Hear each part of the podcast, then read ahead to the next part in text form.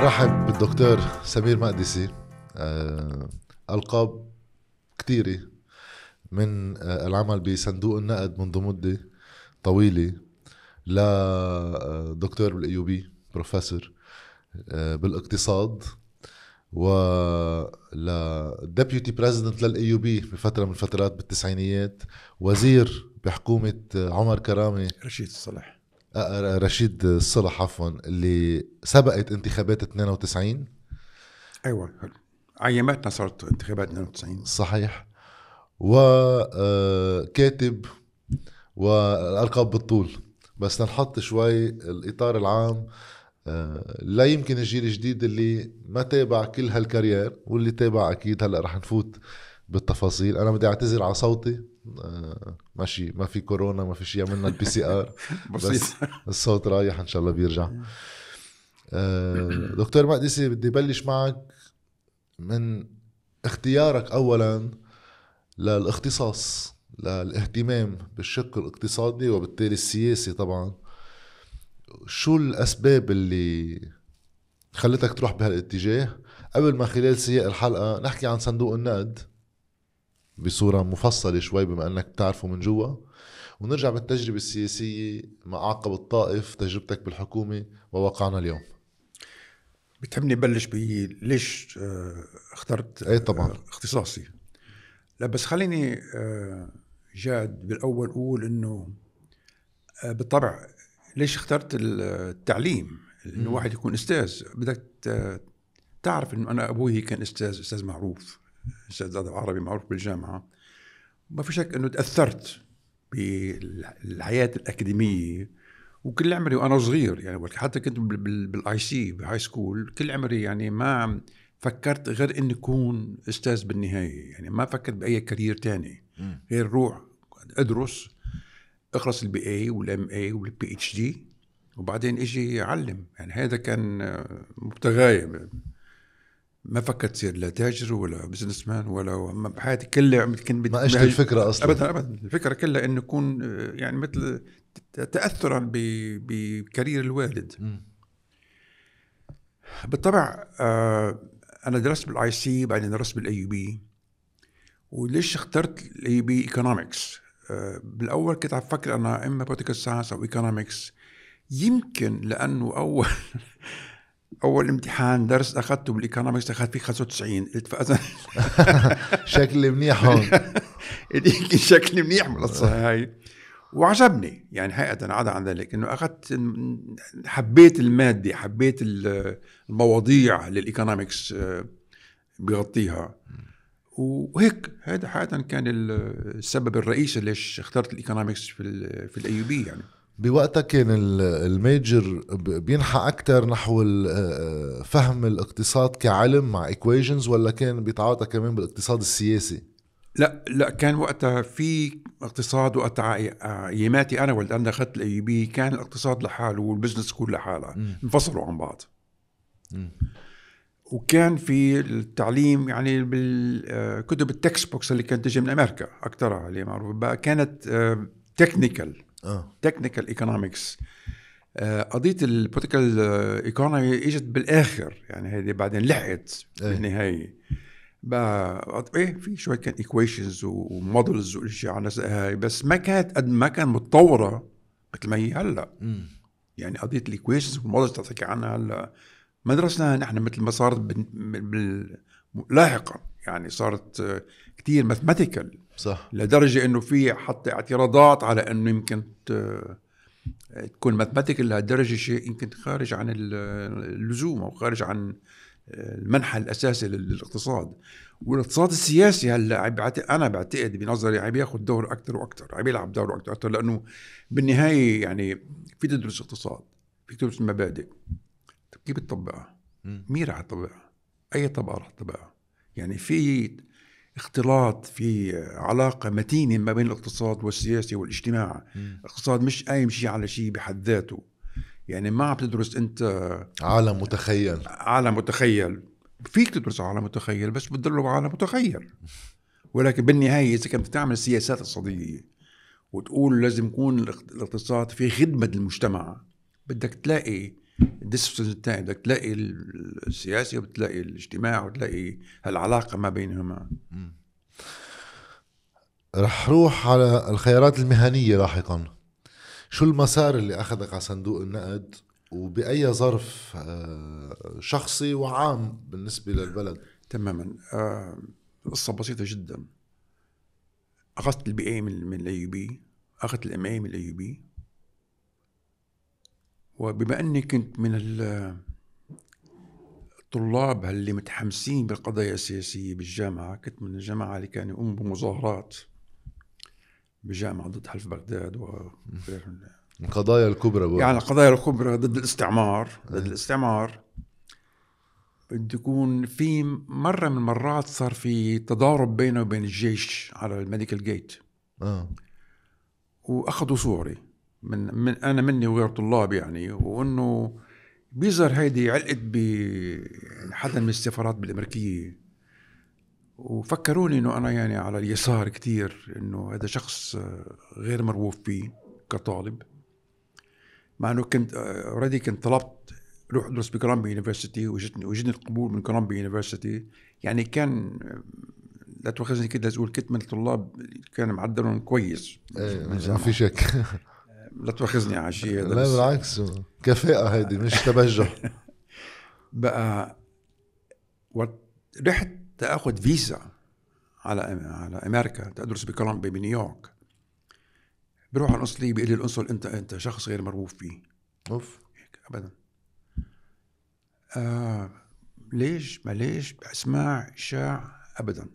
عم نحكي هون بالقنصليه من هون هون. آه. كانت على كانت على شارع كليمونسو بعد القنصليه الأمريكانية. وبتذكر اسمه مستر بون وما بتذكره بخير حقيقة كان كشر هيك. بالنهاية مع كل التدخلات اللي صارت من قبل من الجامعة إنه يعني شاب عم يتظاهر لقضايا وطنية يعني ما بدها القصة كلها الحماس كله هاي. قرروا إنه بده يجيبوا آه، حدا من ال CIA يحقق معي. أوف هلا اجى واحد واجى علم بال AUB الشخص نفسه. كمان. اسمه سام مستر سام. قعدت أنا وياه على أشهر نحكي مع بعض يستفهم إنه مين هالشاب؟ شو شو شو تفكيره؟ شو آراءه بالحياة وبالماركسية وغير الماركسية وبالرأسمالية وغير الرأسمالية. يعني شاف إنه القضية يعني ما بدها شيء قصة. شاب متحمس وبيحب بلده ضد ضد الاستعمار مثل كثير من الشباب. الواحد بده يتذكر إنه هيدي الحوادث بآخر الخمسينات كانت بعز المكارثية. تماما. آه تماما. محاربة الشيوعية بأمريكا. تماما. تماما. بالنهاية يعني من بعد ما أخذت ست سبعة أشهر القصة سمحوا لي إني أروح على على أمريكا. رحت على قعدت مع أخوي كان وقت ال semester بكولومبيا بلش. جبت روح على واشنطن حوالي ست سبعة أشهر. قعدت بالجورج تاون. هيك أدرس أخذت كورسز بعدين آه، رحت على كولومبيا على على ثلاث سنوات. أخذت الدكتوراه من الاقتصاد من من كولومبيا. وبدي أقول يعني آه، حياتي الجامعية بكولومبيا كانت كثير كثير طيبة.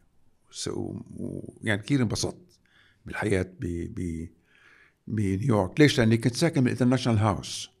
ال International House يعني كل طلاب أجانب من جميع أنحاء العالم. آه. كانوا ساكنين هونيك. كانت حياتنا مش فقط حياة أمريكية بحت ولكن حياة تلاقي مع حضارات تانية مع مع طلاب من غير بلدان بالعالم. universal universal absolutely absolutely universal بقى والحمد لله يعني كان يعني دراساتي المهنية بكولومبيا كانت جيدة.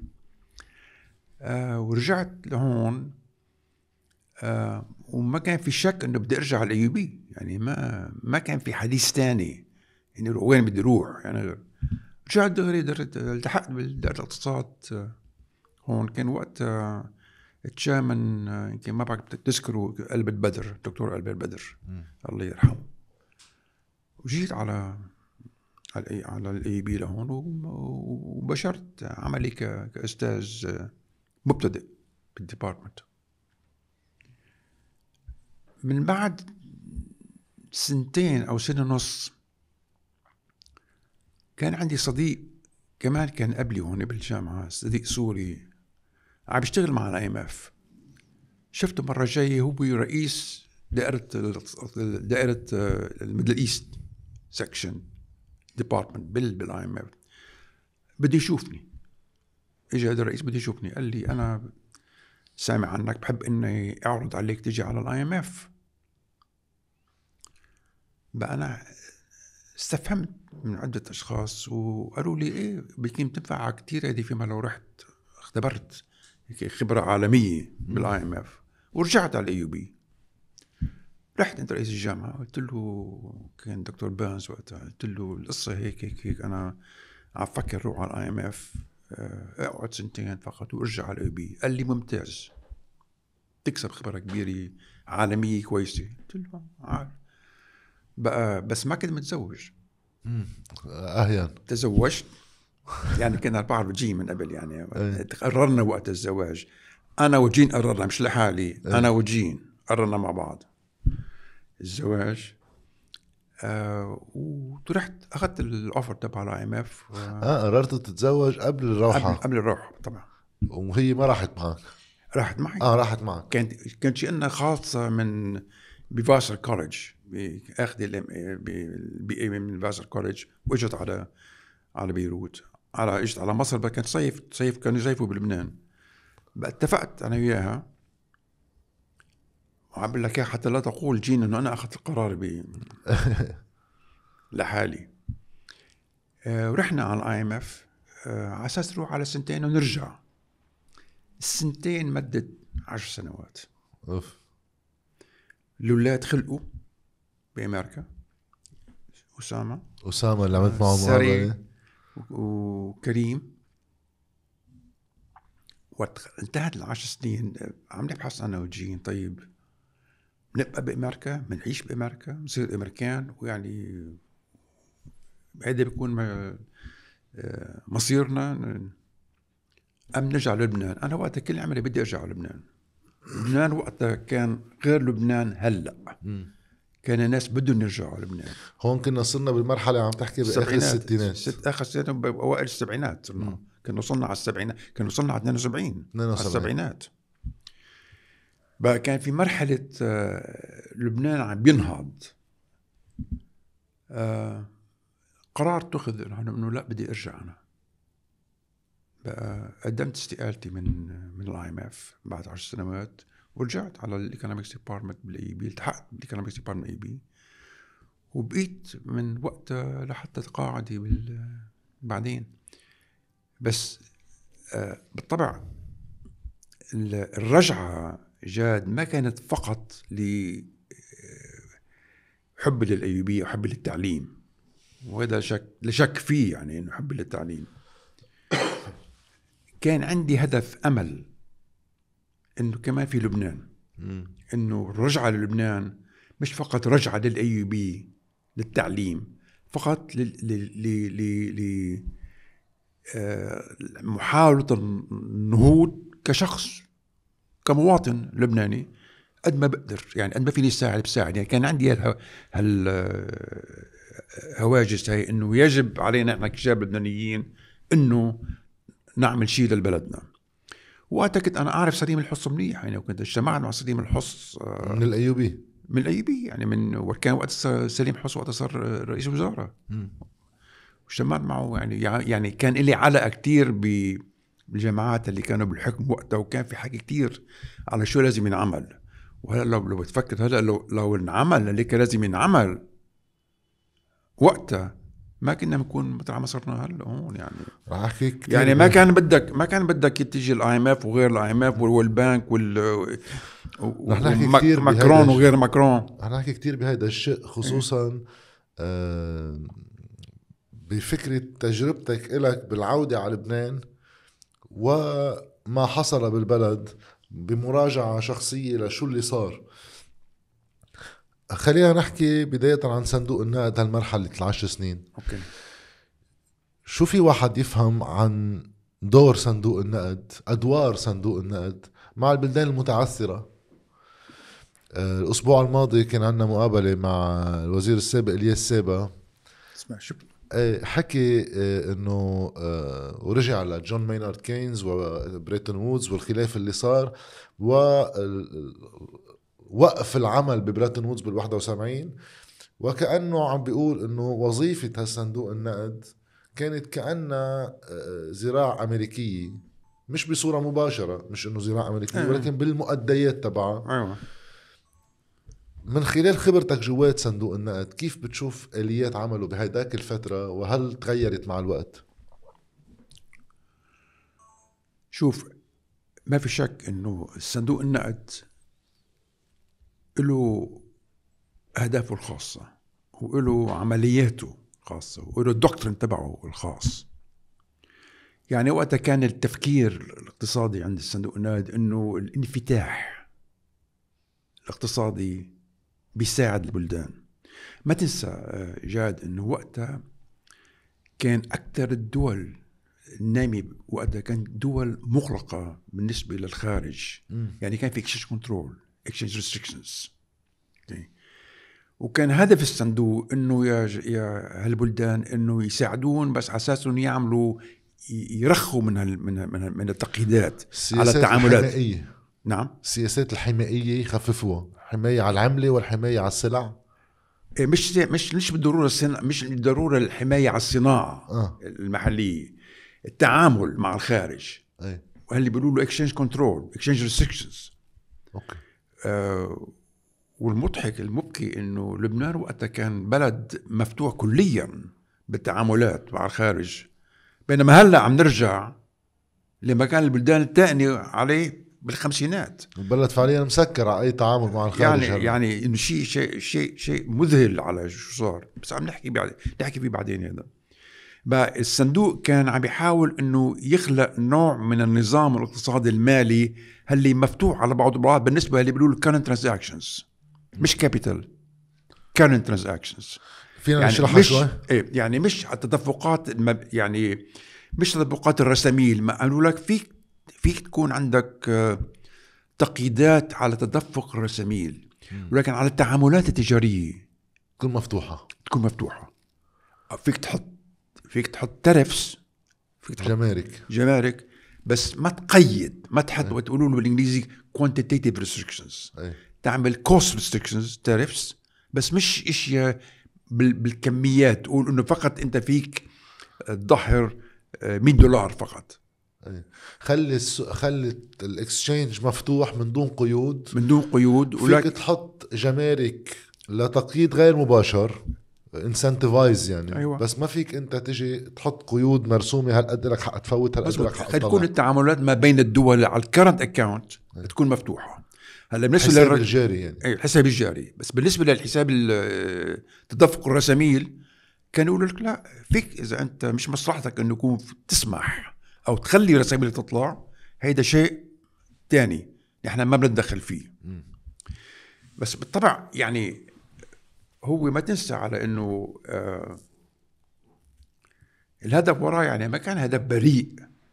الهدف وراه إنه آه، المصلحة الأمريكية الأوروبية وقتها كانت تقتضي أنه يكون في هالنوع من الانفتاح بال- بالمعاملة التجارية حتى هن يقدروا يتعاملوا مع المعاملة التجارية بقى أنه كان في نوع من التفكير السياسي الاقتصادي بمخهم براسهم. اللي هيك لازم الأمور تصير إذا إذا الدنيا بدها بدها تنهض. إذا بيكون عندنا آه، مجتمع اقتصادي آه، منفتح ومجتمع اقتصادي عم يتطور. هيك الأمور لازم تكون. هذا كان التفكير الاقتصادي حتى العقائدي يعني عند- عندهم. هلأ السؤال الأساسي اللي تسألني إياه طيب عندما دولة تروح عند ال IMF يعني دولة ما- عضو. صح. member آه وعنده ال IMF متطلبات شروط. هلأ هل كان الأمريكان بدهم يساعدوا أو ما يساعدوا بهالموضوع؟ أيوه بعتقد ما كان عندهم عندهم نفوذ كبير بال IMF وفو يعني لو إنه لو لو إجوا لو إجوا عم آه، مثلا يتفاوضوا مع دول بأمريكا اللاتينية. يمكن هن يقولوا لجماعة ال IMF للمدير تبع ال IMF إنه خففها شوي. يعني ما تكون ما تقيد أكثر مما بيقدروا يستطيعوا إنه يعملوا. يعني كان لهم دور الأمريكان بتسهيل أو عدم تسهيل التعامل ما بين مثلاً. دولة معينة والمفوضين من من, صندوق النقد. وبعدين يمكن بعدها موجودة لهلأ. إيه. أنا أكثر خبرتي بالصندوق كانت بأمريكا اللاتينية. مش مش هون. بأمريكا اللاتينية وبأسيا. يعني آه عين مش بدائرة الشرق الأوسط عين بدائرة ما يقال exchange rate restrictions هذا كان تعييني. محل ما في قيود. ما كيف كيف بتقيد القيود؟ كيف يعني بتسمعك آه، دائرة آه، دائرة القيود الموجودة على على الأشياء المعاملات الجارية. يعني كانت وقت هيدي السياسات اللي بنتبعها ونروح نقول للدول شو لازم يعملوا شو لازم يعملوا من الناحية هاي. وكان في عداء كبير لل IMF خصوصا ب Latin America. كان في عداء كبير على إنه هاو آه، تسلط أمريكي استعماري. ما تنسى كان في حركات يسارية قوية بأمريكا اللاتينية. إنه وقت كان وقت كانوا البعثات ال IMF تروح على أمريكا أوقات يبقى يفوتونا من من باب الجانبي. حتى ما يكون في مظاهرات يعني ضد وإلى حد كبير كانت المباحثات مع ال IMF مش تماما هيك نحن بدنا هيك لازم تعملوا في أخذ وعطاء. يعني مش بالضرورة أنت بتعرف شو ال IMF بدهم. بدك تنفتح. أنت بتعرف على إنه في أمور ما فيها تنفتح بسرعة. تصير شيء تنعمل تدريجيا. اذا حتى لو لبنان عم بيفاوض مع ال IMF هلأ في أخذ وعطاء في مجال للتفاوض ما بين ما بين المفاوض اللبناني والمفاوض من قبل ال IMF. رح أسألك هلأ عن هذا الشيء لأنه حكيت عن فترتها آه، موضوع الانفتاح وتحديدا آه، إزالة القيود من الحساب الجاري قدر المستطاع. يقال إنه لاحقا تطورت هيدي العقيدة هيك مش الحاكمة لكل مبدا صندوق النقد ولكن المهيمنة بعد بتحرير الاقتصاد أكثر يعني حتى بالشق الجمركي حتى بشق تحرير الاقتصادات ورجعت بعدين انقلبت. صار في شوي أكثر اليوم بالفترات الأخيرة تفكير بالتنمية وتفكير بخصوصيات البلدان وتأثرهم بالعولمة ومحاولة حمائيات شوي بيتقبلوها أكثر اليوم شو واقع صندوق النقد؟ كصندوق النقد وهيدا كيف بينعكس على شو شو بيطلب منك؟ يعني اليوم لبنان قاعد معه. فعليا شو بده يطلب منه؟ لا بس بالأول جاد خليني أقول على إنه ما في صار في تغيير. وبعدين التغيير إنه الجماعه الأي إم إف شعروا على إنه ما في فقط يسلطوا الضوء على قضايا آه، قضايا تحرير المعامله الجاريه هيدي مش كافي في في أمور معيشية في أمور اجتماعية يجب أن تأخذ بعين الاعتبار. أعتقد أصبحوا أكثر آه، عندهم أكثر حساسية لهالشيء من قبل. يعني كله صار على قضيه نحن بدنا التنمية بالتنمية بالمفهوم الواسع للتنمية. مش فقط تنمية اقتصادية ولكن تنمية اقتصادية اجتماعية وبيئية والى آخره. أعتقد إنه هذا صار صاروا ياخذوا هالشيء بعين الاعتبار.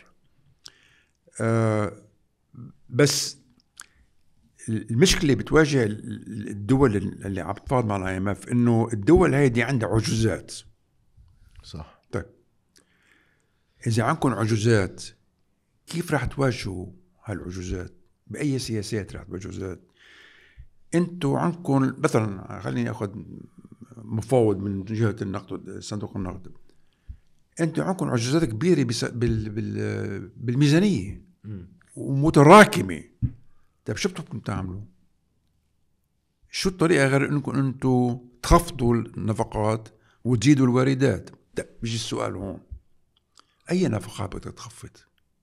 أي واردات بدك تزيد؟ هون التفاوض يعني ما بدي يكون في خلاف على إنه يجب تقليص العجز عجز الخلاف ممكن يكون يكون كيف بدك تزيد تزيد ضرائب من مين بيدفعها؟ صندوق النقد بفوت بتفصيل آه، أحقية سياسة معينة من معنى اجتماعي إنه ما بيجوز ولا بهمه الرقم يزبط بالآخر؟ الرقم بس الرقم الرقم بس بالرقم كيف توصل له؟ فيك توصل له بعدة بعدة بعدة أمور يعني. الرقم فيك توصل له لفرضنا بدك تزيد ضرائب فيك تعملها across the board كلهم نطلع مثل بعض. نوصل للرقم. أو فيك تعملها progressive إنه الغني بيدفع أكثر من الفقير. أكيد. توصل لهذا الرقم. بس معقول صندوق النقد يحط شرط إنه بدك تعملها progressive ولا بهمه الرقم؟ هيدا لا بهمه الرقم. آه هيدا بيتركها لل... لل... للدولة نفسها. للدولة. يمكن حتى هلأ صاروا يمكن منهم منهم صاروا منفتحين. يمكن يقولوا لك إنه أنت كمان كون شوي آه، يعني عندك حساسية أكثر بالنسبة لل القضايا الاجتماعية. للعبء اللي بده يتحمله المواطن اللبناني أو أي مواطن ثاني بقى إنه ما ما عندهم مانع يكون الزيادة في في الواردات آه، مبنية على ضريبة تصاعدية. ما عندهم دي مش مشكلتهم هذه مشكله لبنان هاي من هون أهمية باللي عم تحكيه أهمية مين الجهة اللبنانية اللي عم تفاوض تماما. أهمية كبرى كبرى. مين عم بيفاوض مع صندوق النقد؟ مين بيفهم صندوق النقد؟ يعني هلا مثلا سعادة شامي المفروض يكون. سعادة كان كان كان يشتغل بال IMF لازم يكون عنده خبرة بهالموضوع بتصور عنده خبرة بهالموضوع هذا. وبتأمل إنه كمان يقدر هو يقدر يعرف تماما شو حيثية تفكير ال IMF وشو شو اهتمامات لبنان شو مصلحة لبنان حتى يجي, يوصلوا لنوع من التفاوض اللي بيكون لخدمة لبنان. يعني بالتعاون مع ال IMF السؤال هل المهم المعرفة التقنية ولا مصالح من تمثل؟ يعني أنا رأيي الشخصي ومع عدم معرفتي بتفصيل دراستهم يعني بس إنه أنا أكيد إنه فؤاد السنيورة بيعرف مال لا في ناس بتقول لك منيح في ناس بتقول لك مش منيح بس إنه بيعرف الشيء. ويمكن شو بعرفني شربل نحاس بيعرف مال مش قصة معرفة قد ما قصة مصالح من تمثل. ف هل الإشكالية الأكبر اليوم هي معرفة بكيفية التفاوض التقني مع صندوق النقد؟ هذا كيف هو بيشتغل وشو بده؟ ولا أنت مصالح مين تمثل؟ حتى لو كنت بتعرف فيك تعمل تخبيص. اثنين. على أرجح هيك. لا شك. لا شك إنه اثنين. يعني لو أنت عم بتفاوض لفرضنا بتصور رح تحط بذهنك شو مصلحة الطبقة العاملة في لبنان؟ شو مصلحة عموم الشعب اللبناني؟ إذا بدي أحط ضريبة هون ولا بحط ضريبة هون؟ بخفض نفقات من هون ولا بخفض نفقات من هون؟ بتشيل من تسليح ولا بشيل من نفقات اجتماعية؟ وين بدك تشيل؟ لا شك إنه المفاوض اللبناني يجب ما بعرف ما بعرف. مفروض إنه يكون عم ياخذ بعين الاعتبار شو هي المصلحة المصلحة الاجتماعية للبنان ككل مش لمصلحة طبقة معينة من من اللبنانيين. بت- بتأمل. شو ال... شو التوقعات اللي لأنه في حديث أيام بتحسه كأنه غير واقعي من التوقعات من صندوق النقد وكأنه هو شيء جاي يعطيك مليارات ومليارات الدولارات. يعني بتجارب شوي مضخمة عن شيء بيشبه باريس اثنين إنه بتجي فرنسا مع مجموعة دول بيعطونا مع المصارف وكذا 6 مليار دولار للخزينة للإنفاق. فعليا هل هو إنفاق مشروط على فترات قديش طولها عم نحكي؟ والمبالغ تقريبا عن شو عم لحد نحكي؟ خمس سنين بعتقد ما بين سنتين وخمس سنين. يعني هي ما في شك إنه آه، معونات مشروطة. التوجه نحو الصندوق. أو إحنا نسأل ليش عم ليش عم نتوجه نحو الصندوق؟ مش محل تاني. طب مين محل تاني يعني؟ مثل مين؟ يعني في مشكلة جاد إنه ما في شيء مفتوح براني. يعني ما بتروح على السعودية وعلى إيران أو على على الهند أو على الصين تقول لهم تعالوا ساعدونا يعني هذه مش متيسرة. لأنه أنت بحالة تعثر وعندك خسائر كتير كبيرة. وما في يعني معاملات يعني ما في ما, ما بيتعاملوا معك بالطريقة هاي. بقى بعدين ما تنسى من حق لبنان إنه يتعامل مع الصندوق. نحن عضو في الصندوق. لبنان عضو في صندوق النقد الدولي. ومن حقنا إنه نطالب بمساعدات. الهدف وراها اللي عم بفكر فيه إنه لو اجى الصندوق عم تفتح باب. عم تفتح باب لمساعدات خارجية أخرى أوروبية وأمريكية وما بعرف من وين. اللي تعتمد على إنه إذا نحن اتفقنا مع الصندوق معناتها اتفقنا على برنامج معين يبلش بالإصلاح الاقتصادي والمالي في لبنان. اذا في بروجرام اللي فيك تعتمد عليه وفيك تجذب على أساسه فيك تجذب ال- ال- المصاري لهون. بقى يعني التوجه لل- التوجه للصندوق مش إجباري. حق من حقوقنا. بس أنت سألت السؤال من يفاوض؟ وعلى أي أساس عم تفاوض؟ وشو البرنامج اللي عم بتفاوض عليه؟ هيدي الأسس الأساسية اللي لازم واحد ينتبه لها. هو أهمية هالموضوع كله اللي عم نحكي فيه لأنه عادة بتجارب دول تانية آثار أي برامج صندوق النقد بتروح على عقود. يعني بتأثر على مزبوط. عشر سنين وعشرين سنة. مزبوط وممكن تأثر بالمدى القصير ممكن تأثر على نمو الاقتصاد. طبعا. ممكن تأثر على نمو الاقتصاد. فإذا هذا الفريق حامل على كتافه مفروض مسؤولية عظيمة. مزبوط مسؤولية كبيرة. آه، من هون التأكد على إنه عندهم صورة واضحة جدا لما يجب أن يعمل؟ ولماذا كيف يجب أن يتفاوضوا مع الصندوق؟ شو السياسات اللي بيقبلوها؟ وشو السياسات اللي ما بيقبلوها؟ إذا كانت رح تكون مفروضة آه، على لبنان.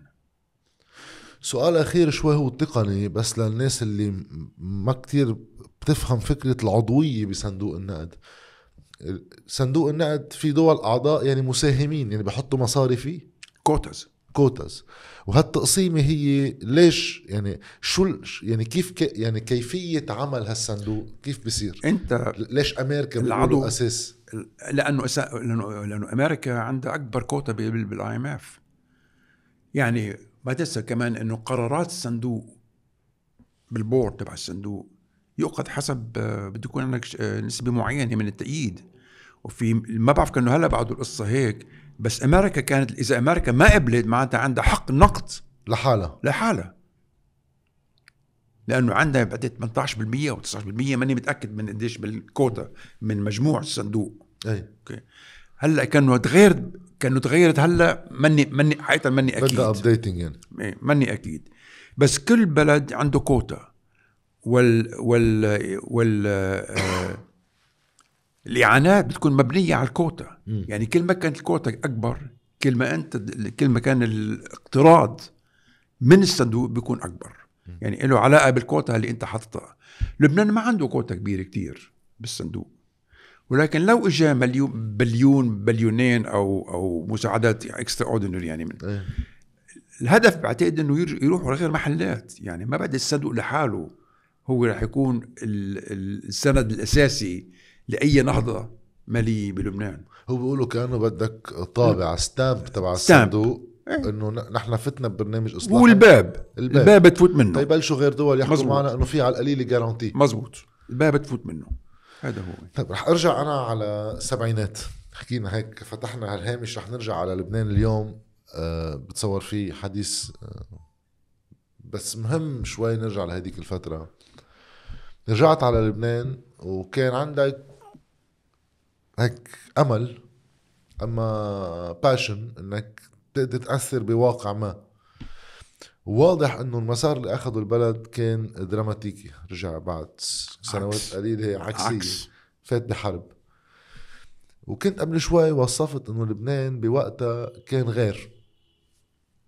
حسألك أول سؤال. أنت اللي عايشت هديك الفترة وصلنا لليوم وقت تقول لبنان كان غير. شو اللي تغير بلبنان؟ التفكير السياسي بلبنان وقتها إذا ماني غلطان ما كان مخروق بالطائفية مثل هلأ. يعني التفكير السياسي وقتها كان يمين يسار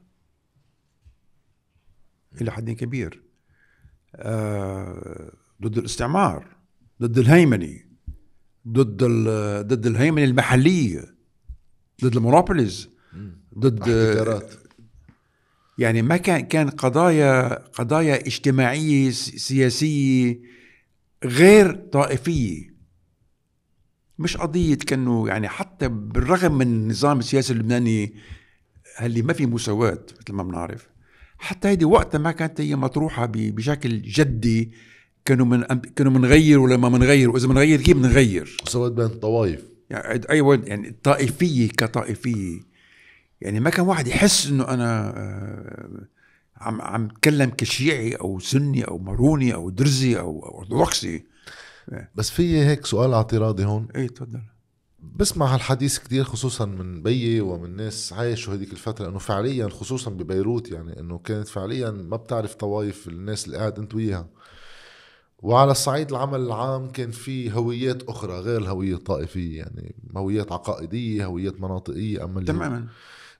طيب شو هي هالخطيئة الأصلية اللي على الرغم من هو كلهم رحنا على حرب؟ ما في ناس بتقول لو كان هالقد النظام شغال ما كان لازم يروح آخر شيء على حرب. كان في علة ما. إيه بس هذه في في علل ما. ما لسه كان في تدخلات خارجيه جات يعني الحرب ما كانت فقط آه،. واقع محلي. وا- واقع محلي. آه، كان في تدخلات من برا وكان في القضية الفلسطينية قضية ال- النظرة إلى دور الفلسطينيين والمنظمة الفلسطينية بلبنان. كان في خوف عند عند الأطراف ال- المسيحية من التمدد آه، تمدد الفلسطينيين بلبنان. وعدم الاتفاق مع الطرف الثاني من من اللبنانيين كيف الأمور لازم تصير. آه، وبعدين ما تنسى في عامل إسرائيلي يعني في. محل محل محلات كان في الع... إسرائيل عم تحركش صح. بالقصة هاي. بقى كله هذا انضب على بعض ضبوا على بعض وانفجرت انفجرت بال 75 بس تماما شو هو العامل الأساسي؟ أعتقد إنه يمكن ما في عامل واحد أساسي أو عامل أساسي واحد خارج داخلي. أو خارجي يعني أنا بعرف على إنه عن باعتقادي إنه إنه ال- آه، أسباب الحرب ما كانت اقتصادية مش اقتصادي لا دكتور فواز طرابلسي بكتابه اللي عمله آه. modern history of شوي حكي عن الجوانب الاقتصادية اللي هي بالتوازي مع الأسباب الخارجية إيه، بس. ما كان مش مش مش قضية ثورة فلاحين اي أكيد مش ولا. أو ثورة عمال ما ما كانت ما بعتقد هيدي كانت هي القضايا اللي جعلت ال- ال- الحرب. ما تنسى إنه بالنهاية وصلت الحرب بين مين مين صارت؟ بين عمال وعمال فلاحين وفلاحين صح. وشباب وشباب. يعني مش إنك ما كانت ما كانت حرب طبقية. صح. بس في ناس بتقدر تقول عن وقت الحرب إنه العامل الاقتصادي خلى تكون البنية التحتية للحرب حاضرة. بأي معنى؟ الأرياف اللي بعيدة كانت هي خزانات المقاتلين. وهذا الشيء نتيجة إنه هن من طبقات اجتماعية أدنى وبحاجة ينزلوا على آه، المدينة. والطائفية إجت قطرتهم تصاروا عمال بوجه عمال بس هل كم من الفرز اللي صار بين المدينة والأرياف سهل؟ بس إنه مش لحاله أكيد. بس سهل إنه يصير في خزانات لمقاتلين. معقول. بس ما تنسى إنه بالنهاية ال ال بالنهاية الحرب اندلعت بين مين ومين بالأول؟ بالأول بين الفلسطينيين والكتائب على. أساس. بعدين؟ توسعت. توسعت. صار يدخل عليها أطراف. وبعدين الهدف الأساسي من الحرب تغير. يعني على مدى 15 سنة. أي طبعا. الهدف اللي بلش فيه الحرب؟ ما هو الهدف اللي انتهى انتهى, انتهى فيه الحرب. صح. يعني كان في تدخلات كبيرة جدا داخليا وخارجيا اللي سيرت مسرح الحرب. بعد صار تدخلات من برا. ما صار في إسرائيل ما إجت 82 لهم صح صح. سوريين ما تدخلوا. صح. في هيك فرضية أسألك عنها. هل ممكن واحد يقول إنه السبب الأساسي باندلاع الحرب لأنه في أسباب كثار؟ منها آه، الواقع السياسي القضية الفلسطينية إسرائيل واقتصاد و بس الأساس حواله كلهم أما هو بيدوروا حوالي هالأساس هو ضعف مؤسسات الدولة تجاه اللاعبين السياسيين الداخليين والخارجيين فما قدرت تتعامل مع ولا واحدة من الأزمات.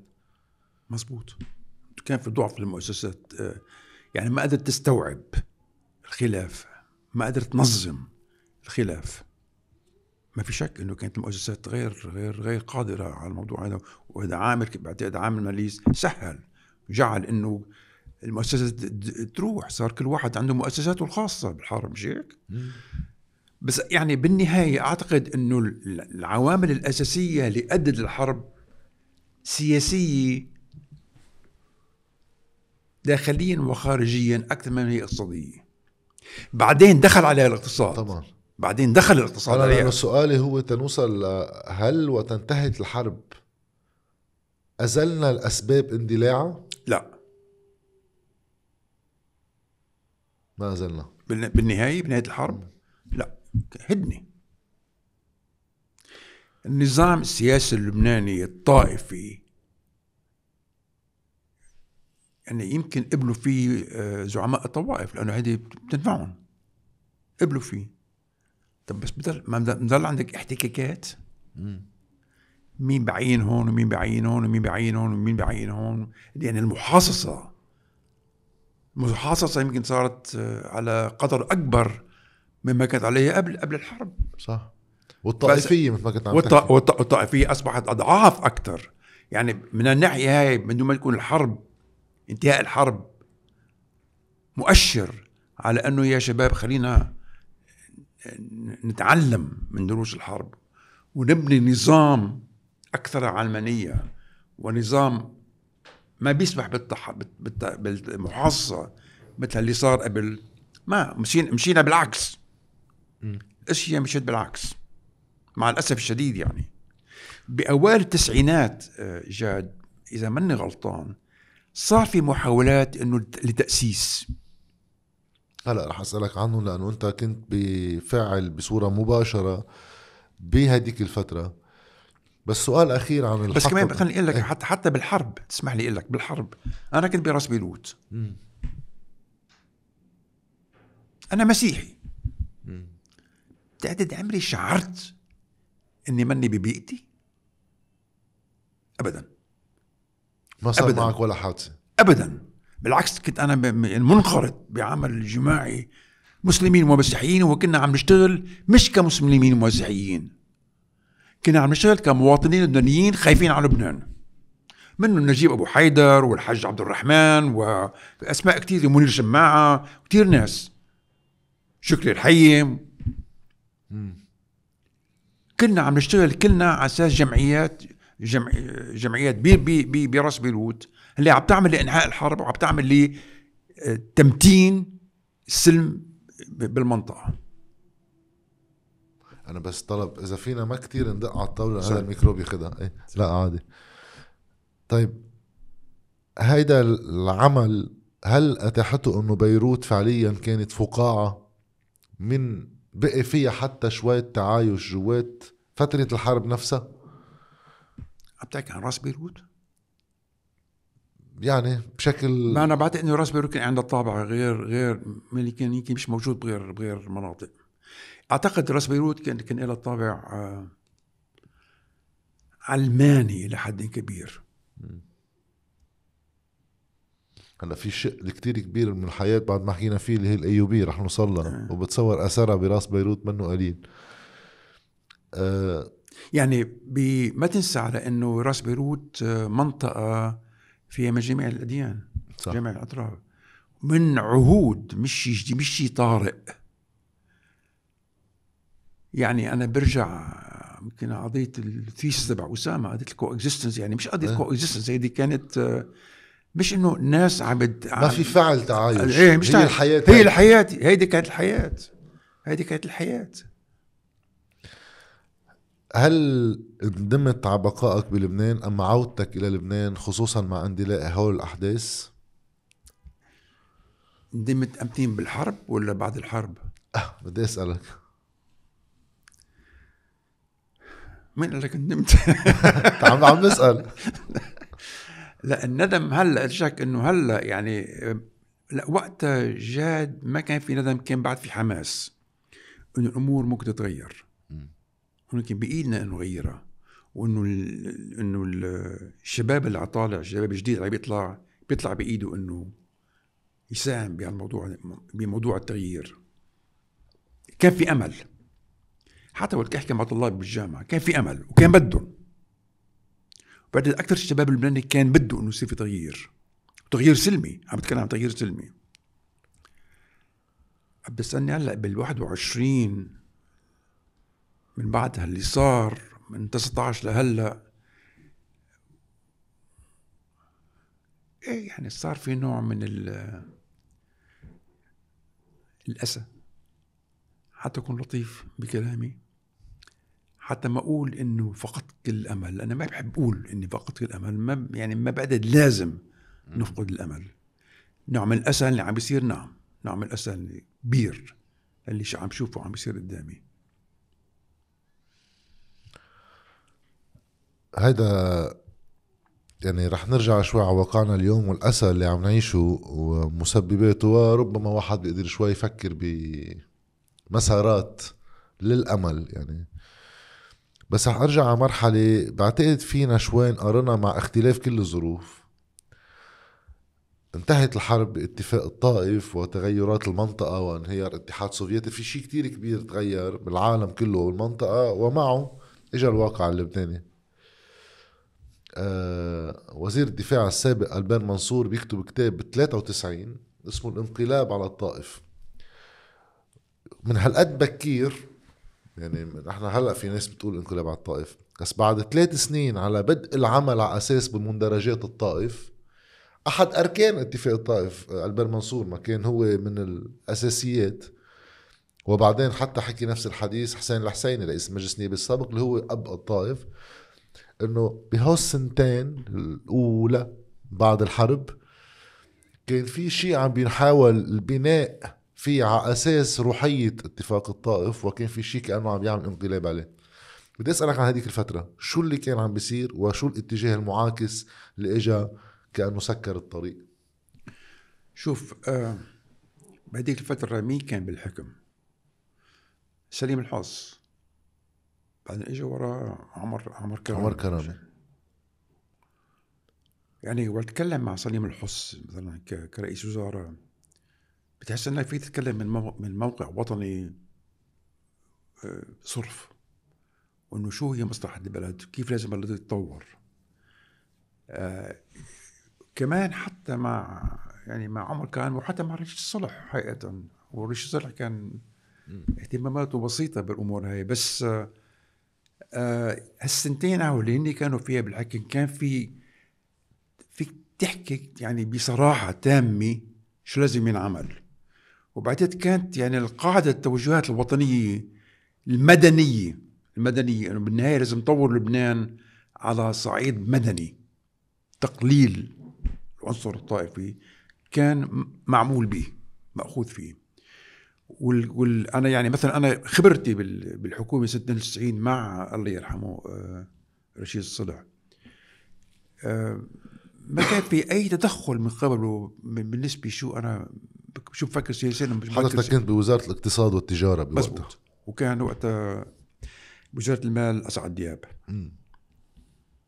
من من البقاع التفكير وقتها كان إنه ما كان كان كان عندي نوع من الحرية بالتحرك. شو لازم يكون سياسه اقتصاديه مطلق. ما حسيت إنه بيجي رئيس وزراء بيقول لي نحن بنحبك أو بنحبك أو بنحبك أو خليه هيك أو شيل هيك أو خفف هيك أو كانت مطلقة. يعني حتى كان التفاوض أنا وأسعد دياب يعني أسعد دياب كان آه، بصفته وزير المالية كان هو المفاوض مع صندوق النقد. بس أنا أسعد أصدقاء كنا صرنا أصدقاء. طلب مني إن أنا أكون يعني أتولى الكلام إيه. بصفتي ك economist مع مع, مع ال IMF وكان الكلام واضح تماما وعملنا تماما بروجرامات وبرامج اللي نحن نعتقد إنه هي مصلحة لبنان. وما كان في أي تدخل من من الداخل بالعكس. بدك تتذكر قبل قبل 92 كان في لجنة الخبراء الاقتصاديين committee ما عملت ورقة ورقة. اقتصادية. حضرتك كنت فيها كمال حمدان كان في كثير من الشخصيات. آه تمام. وعرضت وهيدي كانت بعتقد الورقة لو طبقت. وهشام لبساط و, أيه. و... عم بحاول استذكر آه، إلي يشوعي إلي أيه. آه كان واللي هي روحيتها على نقيض ما بدأ بال 92 وما بعد. تماما. كانت يعني ورقة اقتصادية اجتماعية تلبي ما أعتقد كان طموحات المستقبل اللبناني. وأنا بتذكر تماما إنه الرئيس الهراوي يعني دعمنا فيها دعم كامل. ليه؟ ما بعرف بس دعمنا. وطلب منا وطلب مني أن أقوم أتكلم مع آه، بمرأة بمجلس الوزراء وقت كنت أنا بعد مثل مستشار قبل دخول الحكومة أي. وقمت وتكلمنا عنه وهجمنا من قبل؟ من قبل معظم الوزراء. إنه هذه بتقيد وبتعمل بتعرف إنه ما بدهم إياها كان.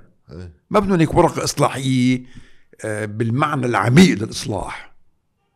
هجمنا مع كل ذلك رئيس راوي مرأة. رئيس راوي مرأة. بس بعدين صار اللي صار. هلا أنا بدي أسألك عن هيدا اللي صار.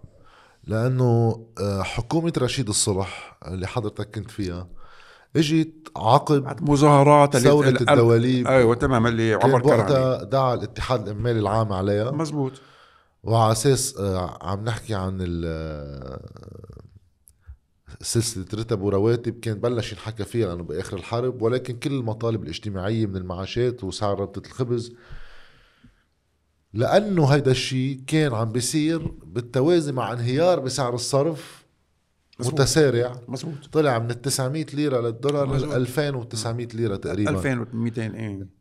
بقى وبوقتها حاكم المصرف المركزي ميشيل خوري سحب انسحب. شو كان عم بيصير بوقتها؟ لأنه كثير من اللي عايشوا هذيك الفترة بيقولوا ما بتشبه هيدي اليوم. وقتها كانت موجهة. هيدا عيمات عمر كرامي كان عيات إيه، حكومة عمر كرامي. اللي استقال على اساسها الاستقالة على اساسها وفجأة وقت حاكم مصرف من الشيخ ميشيل خولي اجى وقت حس على إنه ما بقى إنه إنه إنه الموجودات اللي عنده عم عم تنقص كثير ما بقى الريزيرفز بالدولار الاحتياط. وصل للحضيض اخذ قرار إنه أنا ما بقى بقدر إني دافع عن الليره اللبنانيه ما بقى فيني دافع عن الليره اللبنانيه شال إيده والس- والسوق هب. والسوق هب. ليش استغرب كتير هذا القرار بوقتها؟ يعني الوزراء اللي كانوا بالحكومة آه، منهم البير منصور بكتابه ومنهم بعدين اللي عايشوا هذيك الفترة بيقولوا كأنه كان مطلوب يصير اللي صار. يمكن. بس أنه أنا بدي أعطيك جواب صريح ما بعرف. ماني متأكد. يمكن. يعني معقول كثير يكون هذا شيء مخطط. معقول كثير لأنه ما تنسى مين اجى بعد ميشيل الخوري رياض سلم بالحكم بالحاكميه وبالتزامن مع مجيء رفيق الحريري. بالتزامن مع بالتزامن مع مجيء رفيق الحريري. ل... وقت استقال آه، عمر كرامي و- وبعتقد وقتها كان مفروض يجي رفيق الحريري. حتى قبل الانتخابات؟ قبل الانتخابات. ولكن ما كان في بعد استعداد سوري كامل لقبول الشيء. وهيك أنا بعتقد هيك معلوماتي هيك هيك تفكيري إنه اذا اجى آه، رشيد الصلح ليعملوا مرحلة انتخابات بالصيف بإيلول وتشرين. إجت إجت الحكومة هاي كمرحلة ما بين آه، هبوط سقوط عمر كرامي والتمهيد لانتخابات. اللي بيجي بعدها رفيق الحريري رفيق الحريري لأنه كانت انتخابات مبكرة بين مزدوجين. مزبوط. لأنه بوقتها كان انتخابات المفروض تصير بال 94 ومع كل ذلك مع كل ذلك استطعنا انه نفاوض الصندوق والبنك الدولي ونعمل خطة وبلش نطبق فيها حتى لدرجة إنه آه العجز بلش يتراجع نتيجة الخطوات اللي اتخذناها بالحكومة. ولكن كان في معارضة شديدة جدا من قبل كثير من الناس وبلشوا يلعب بالسوق بلش بلشوا يلعبوا بالليرة. الليره تطلع وتنزل تطلع وتنزل تطلع وتنزل. يعني آه، مش بس بقدر أقول لك أكثر من هيك بقدر أقول لك على إنه أحد آه، نواب بالبرلمان اللي معروف ما نقول اسمه تلفن لي على البيت قال لي سمير كان يعرفني. ليه ما بتستقيل؟ قلت له ليه بدك إني أستقيل؟ كنت أنا وأسعد دياب عم نشتغل على الخطة. إيه قال لي حتى الأمور تضج أكثر تتدهور تدهور قلت له أنا ما قلت له أنا ما بعمل هيك شيء. وضلتني مكفي. يعني ما راح أذكر اسمه. إيه. عشان آه يعني إنه كان في خطة لأولبة الأمور تمهيدا للانتخابات وما بعد الانتخابات. مع كل ذلك كان يعني كان في خطة موضوعة وبلش في, في بالرغم من تموجات في سعر القطع. هبوطه طلوع طلعه ونزلي طلعه ونزلي طلعه ونزلي كان في بروجرس عم بيصير كان في تقدم بتنفيذها إيش الانتخابات؟ اجت الانتخابات وتبدلت شكل السلطة السياسية بلبنان كلها. سوا؟ تماما. لأنه من وقتها آه، اجى رفيق الحريري 92 اجى رياض سلامة 93 اجى نبيه بري ب 92 على رئاسة المجلس. مزبوط وصار في فكرة الصناديق وحدة مهجرين وحدة إنماء وأعمار وحدة جنوب. كأنه النظام اللي بنعرفه اليوم انطلق من هذيك اللحظة. آه، جات بما إنك عم تسألني هالسؤال هلأ عم بستذكر أنا. الفترة هيديك كان هدفها آه، تطبيق برامج بتخفف الضغط على الاقتصاد اللبناني. وأولها السيطرة على على على آه، البادجت على الموازنة. على الموازنة. كان هدف السيطرة على الموازنة لأنه هي كانت الباب مفتوح اللي عم بيكون منه انفاق أنتوا الورقة اللي قدمتوها كانت تدعي للانضباط المالي. أب... تماما. بس بس مع تحريك الاقتصاد. إيه. انضباط مالي من ميل وتحريك الإنتاج من ميل تاني. يكونوا متوازيين مع بعض. مش فقط انضباط. مم. تحريك. مش تقشف يعني. تحريك اقتصادي انسنتفز للاقتصاد. هيدا كان التفكير وقتها الحديث 92 طبعا في ناس متضررين من العملية هاي. على كل هاللي صار بعد 93 أعتقد أنا ت- ت- تفسيري إنه وقت إجا رفيق الحريري الميزانية انفلشت. خلينا نصرف هلا ونشوف بعدين كيف إنه بعدين بدنا ندبرها هاي لأنه رح تجينا أموال من الخليج ومساعدات من فرنسا ومساعدات من أوروبا. بقى معلش خلينا نصرف ونحرك الاقتصاد. وتحرك الاقتصاد. بس كان في انفلاش كان في دين عم يكبر بشكل مضطرد. وقتها أياماتنا الدين نزل. شوف كيف يعني كان الفرق بال- بال- بال- بال- بالرؤيه الاقتصادية نحن بدنا نعمل انضباط نظبط الموازنة وتبلش. يكون عندك قاعدة قوية. هاللي صار بعدها إنه اجى هالانفلاش على أساس إنه الأمور رح تتحسن اقتصاديا وسياسيا وسياسيا. رح يجينا معونات هائلة من من الخليج اللي بتغطي على كل شيء.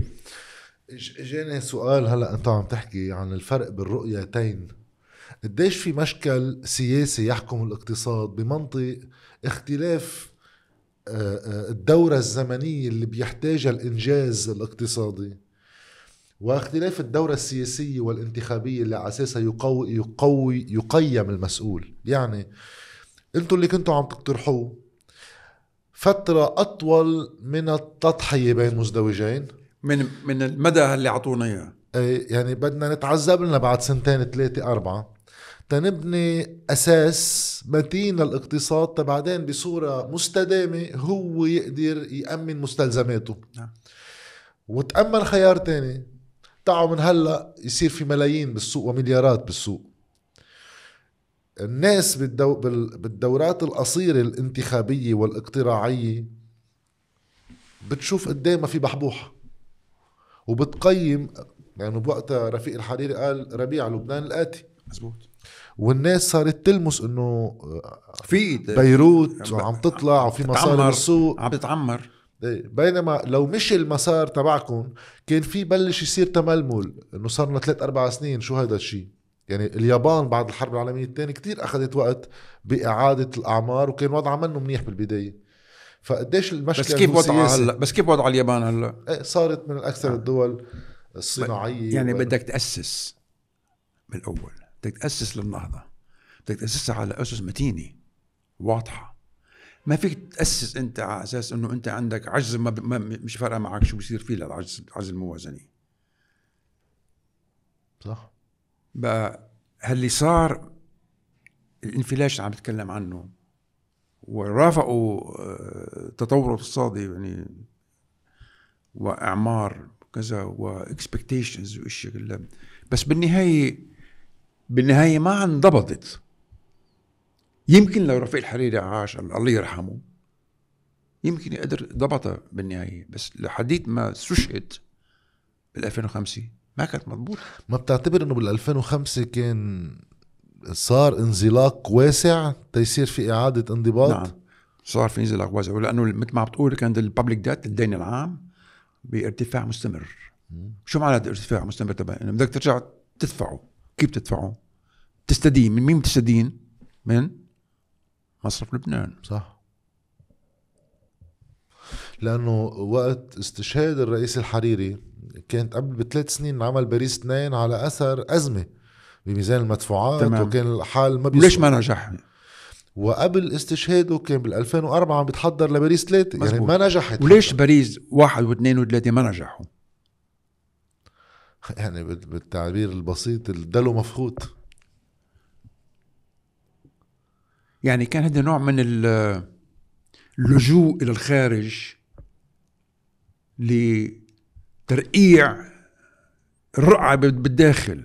بس ال- بالداخل أنت بت... عم- انت انت انت انت انت أنت بت... بتاخد أنت بتتبع الرقعة. أنت أنت بتعملها. أنت بترقعها. ما بتقول للخارج تعال رقع لي إياها.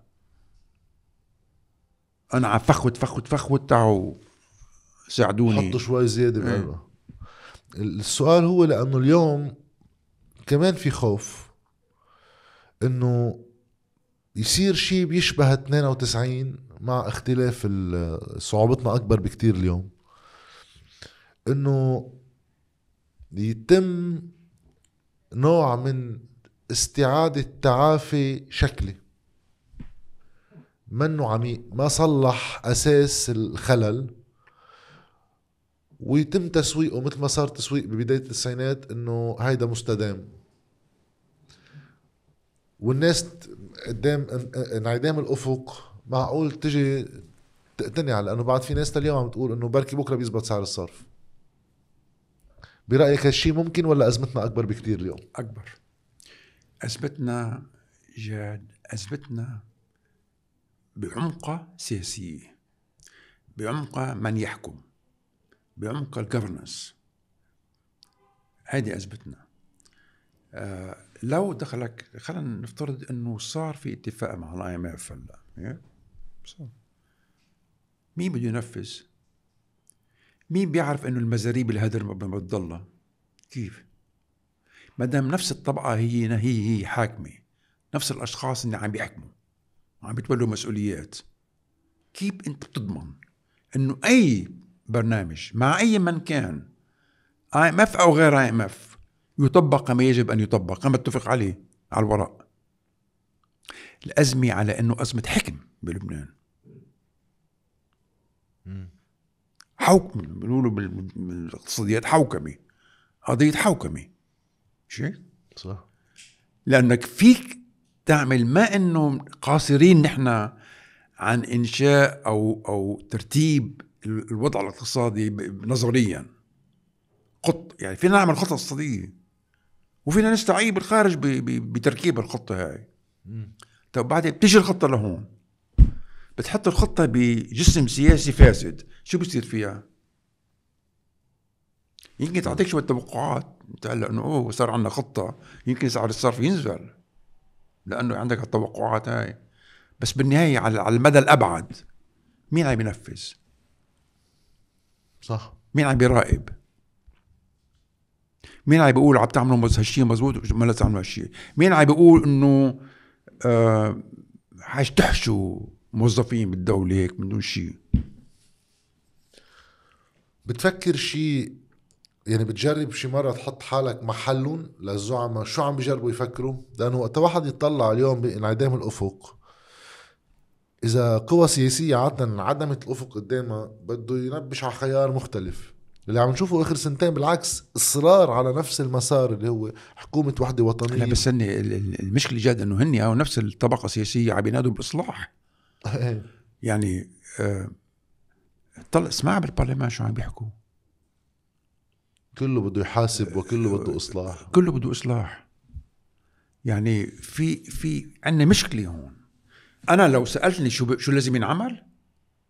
نظريا عم بحكي أي. نظريا أنا بقول يجيبوا آه، جسم خارج الحكومي من ال من ال من الرجال الكفؤين والنساء الكفؤات بهالقضايا هاي يسلموها تطبيق الخطة. اندبندنت هلا هون إشكالياتها كثير نظرية. يعني أنا عم عم لك نظري. يعني إذا فينا نوصل نجيب هالجسم مين بده يجيبه؟ وإذا قدرنا نلاقي مين يجيبه ليش ما بيجي على الحكومة؟ يمكن يكون لازم يكون شرط من شروط المانحين.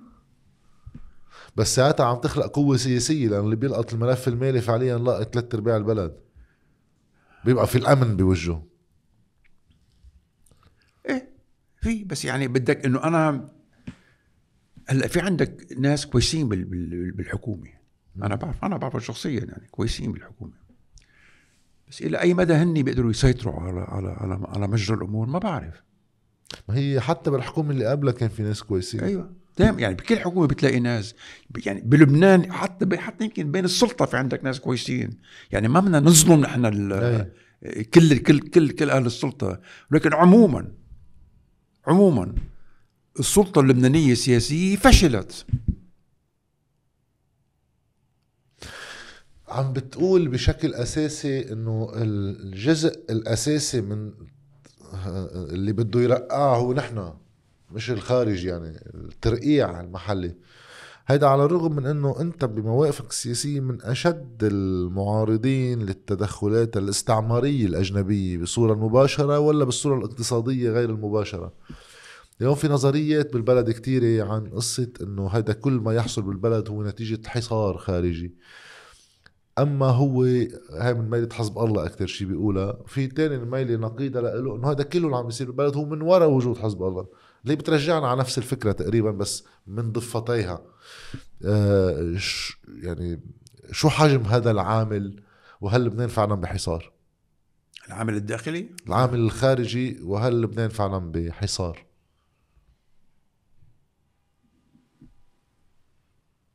افترض إنه في عامل خارجي. افترض إنه آه، الأمريكان والإسرائيليين عم بيحاولوا يضايقوا على حزب الله هون وإذا عم بيستعملوا لبنان كورقه إنه عم بيتحالفوا مع جماعات معينة بلبنان وإنه هيك الطريقة بنضرب فيها حزب الله وبنخلص من حزب الله وكذا. افترض إنه هذا افتراض. طيب عاد. شو مصلحتنا نحن كلبنانيين؟ مصلحتنا يكون في جبهة لبنانية واحدة موحدة تحكي مع الخارج هيدي مصلحة لبنان. بده يكون عندك مفاوض لبناني. في اتفاق على الورقة اللي بدي يفاوض عليها. الامريكاني ما راح يجي يقول لك آه، روح حارب حزب الله. يا جيش. ما بتصير هاي. يعني كمان إنه الخارج مش لهالدرجه أعمى بإمكانية آه، شو ممكن يصير وما بالبلد. الخوف إنه يكون في ناس من جوا عم عم بيحاولوا يحرضوا على هالنوع من ال من ال من ال من ال من ال من, ال من التدخل. هاي. هذا الخوف منه هاي. بعدين بس المهم بالنهاية بده يكون في حوار لبناني لبناني. مش حوار أمريكي وأمريكي لبناني. مش حوار أمريكا مع فريق معين من اللبنانيين وحوار إيراني مع فريق ثاني من المعينين وحوار سوري مع فريق ثالث من المعينين. وبعدين نحكي مع بعض. بده يكون عندك فريق لبناني عم بيحكي مع بعضه البعض وياخذ موقف موحد. يمكن جوهر أزمتنا هو تعريف ما هو الفريق اللبناني. يعني كيف نوجد شيء اسمه فريق لبناني؟ لأنه صعب. لأنه كل القوى السياسية بلبنان بتنادي بلبنانيتها مع القليل تجهر آه، لبنانيتها. ولكن شو يعني؟ بعد ما لقينا هذا الشيء القوة ما هي المصلحة اللبنانية يعني؟ على الورقة موجودة. نظريا موجودة. هلأ سؤالك عمليا كيف نعملها؟ مش هينة بس نحن بنقولها لازم نقوله شو اللي بنصير بنحذر لأنه صار في اجتماع كثير بين في عندك مثقفين لبنانيين كثير يا شاد في رجال مثقفين لبنانيين وطنيين بكل معنى الكلمة. وعالمين ومعلمين. هل هن منسحبين من المشهد نتيجة قرفهم أحباطهم أما المشهد هو إلى حد ما لا ما تنسى أنه كان في مساهمات أكثر من قبل المثقفين اللبنانيين قبل هلأ في نوع بعتقد بعتقد في نوع من الإحباط. في نوع من الإحباط. يا ما صار في اجتماعات. تماما لبلوغ الهدف اللي عم تتكلم عنه أنت. بس بالنهاية آه، النظام قوي النظام قوي النظام قوي. آه، بس مش معناتها على إنه يجب أن أن أن الواحد ينكفئ عن عن عن آه، العمل. اللي يجب انه ينعمل فيه الواحد كمثقفين؟ في عندك مجموعة مثقفة كبيرة بلبنان. من جميع الأطياف جميع الأعمار شباب وكهول هل بدك؟ أه سؤال أخير بهذا الشيء. المثقفين والعمل السياسي أه هل فينا نحطه بإطار مثل soft power حدوده هو وقتها يتواجه مع hard power قوة ناعمة بتأثر مثقفين بيأثروا بالمجتمع بس كأنه حدودهم بتجي لحدية ما يصير في دق رصاص فبتوقف. مزبوط. هذا هذا شيء آه، واحد ما في يهرب منه شيء يعني. يعني السؤال الثاني اللي عم تطرحه أنت ولا؟ أنا عم بطرحه وكثير ناس عم يطرحوه. هل يا ترى وصلنا لوقت لازم ننزل على البرج كمثقفين؟ على الساحة على الأرض. على الأرض. من شارع بلس ل من لكليمونسو ل لرياض صلح. هل وصلنا لوقت إنه تجند المثقفين وكل مؤمن بدولة غير طائفية. أنا بقول دولة علمانية شخصيا.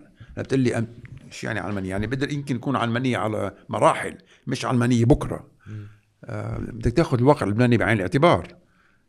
بس السؤال يطرح. وصلنا لهالمرحلة هاي. هل يجب أنه العمل على تجميع؟ يعني صار في محاولات السنة الماضية جاد بيني وبين حتى هون بالبيت عندي هون. تجميع جماعة يعني مجموعة من المثقفين اللبنانيين ممتازين رائعين. ما وصلنا لنتيجة عملية. ليش؟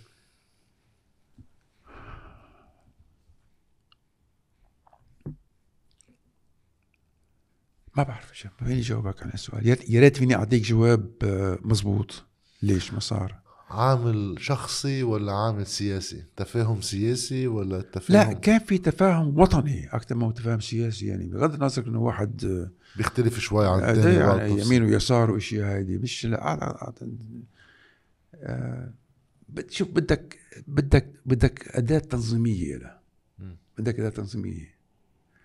يعني إذا بدك المثقفين ينزلوا بالمئات والألوف على الشوارع بدك يكون في عندك أداة تنظيمية تطلع الموضوع. قديش في إشكالية عند المثقفين؟ يمكن مش بس بلبنان يمكن بالعالم كله إنه وقت واحد ينحط بإطار المثقف بيكون هو عنده قيمة معنوية شرعية ما إما بطروحاته إما بموقعه الأكاديمي أما الرسمي إذا كان بموقع رسمي. قديش في عامل فردي بيغلب على إمكانية اتفاق مثقفين سوا. لأنه فرديتهم عالية. مزبوط. هيدي هيدي من العقبات اللي انك تخلي المثقفين يتصرفوا كمجموعة موحدة. هيدي معك حق يعني قوة أحزاب السلطة أنه تنظيمات عسكرية في راس وفي أمر ومأمور. خلص عند بين المثقفين ما فيك تعمل. بس ما ما بيعني إنه ما في همه للموضوع ما بيعني إنه ما بيحبه. بدك من ينظم يعني؟ بدك يجي واحد يقدر ينظمها العملية بطريقة مقبولة وعملية. شو بصير لو نزل 5000 مثقف على على الساحة؟ مفروض أثرهم المعنوي والاجتماعي يكون كبير. كبير. لحدية ما نرجع نحكي إلا إذا صار في ما شيء. ما بعتقد ما بعتقد بيتوجهوا بالرصاص. لا مش هن يتواجهوا بالرصاص ولكن منطق الخطاب يعني البلد بعد أحداث الطيونة بيروح المزاج على نوعية خطاب بصير الواحد القضايا البسيطة آه، آه، سعر الصرف وكذا يعتبرها لكجري إنه نحن عم نحكي حياة وموت هلأ. يمكن هاي قوة نظامنا. لا نظامنا كمان إنه لهوك على إنك أنت الناس هلأ صار ملتهية بحياتهم. كيف بدي أدبر آه، معيشتي؟ هيدي كمان من الأمور اللي فتفتت التنظيم المعارضة إنه أنا هلأ جاي تلحقني نزال على على الساحة وأنا بدي مية ربطة مصيبة. الخبز ب 10000 ليرة يعني يعني بدي بدي أشوف كيف بدي بدبر أموري؟ معيشتي اليومية هيدي الأمور اللي ساعدت السلطة كثير الانهيار اللي هن سببه ساعدهم. مش هيك؟ طبعا إيه. سؤال قبل ما نفوت شوي على موضوع ال AUB إذا أنت بسنة 72 بس اليوم يعني أنت بعدك بال IMF وبوقتها قررت ترجع وبعمر وقتها عم بحكي. سؤال صعب. بترجع ولا؟ سؤال صعب. منك أكيد. لو هلأ بدي آه، أخذ القرار لو هلأ 72 ولبنان ما ما هو عليه إيه. الان لا ما ب- ما بعتقد كنت بشكك إنه برجع. آه، اولادك في اثنين منهم برا وفي كريم بلبنان ويمكن ما حدا بيعرف قديش واحد بيبقى بلبنان لأنه كل واحد ظروفه خاصة. آه، بما إنه عم تقول أنت ما بترجع يعني مش كتير شايف إنه هن بيرجعوا. لا أنا أنا عم أقول إنه عم تسالني لو أنا أخذت قرار ب 72 ارجع على لبنان وقتها لبنان كان بعزه وفي كل الناس بيرجعوا على لبنان كانوا وقتها كانت الفكرة وقت الرجوع على لبنان مش الخروج من لبنان انت هلا قلبت لي إياها. صح. هلا هلا انت عم تقول لي انت عم جاي طالع من IMF وفي عندك موجة خروج من لبنان لأسباب مثل ما. موجود هلا بالطبع يعني كنت تفكر. هي السؤال الأصعب. وقت واحد يقارن الحرب الأهلية باليوم. ما كان الحرب كأنه أكثر في هروب. تماما. لأنه الحرب الأهلية كل واحد كان يفكر إلى نهاية.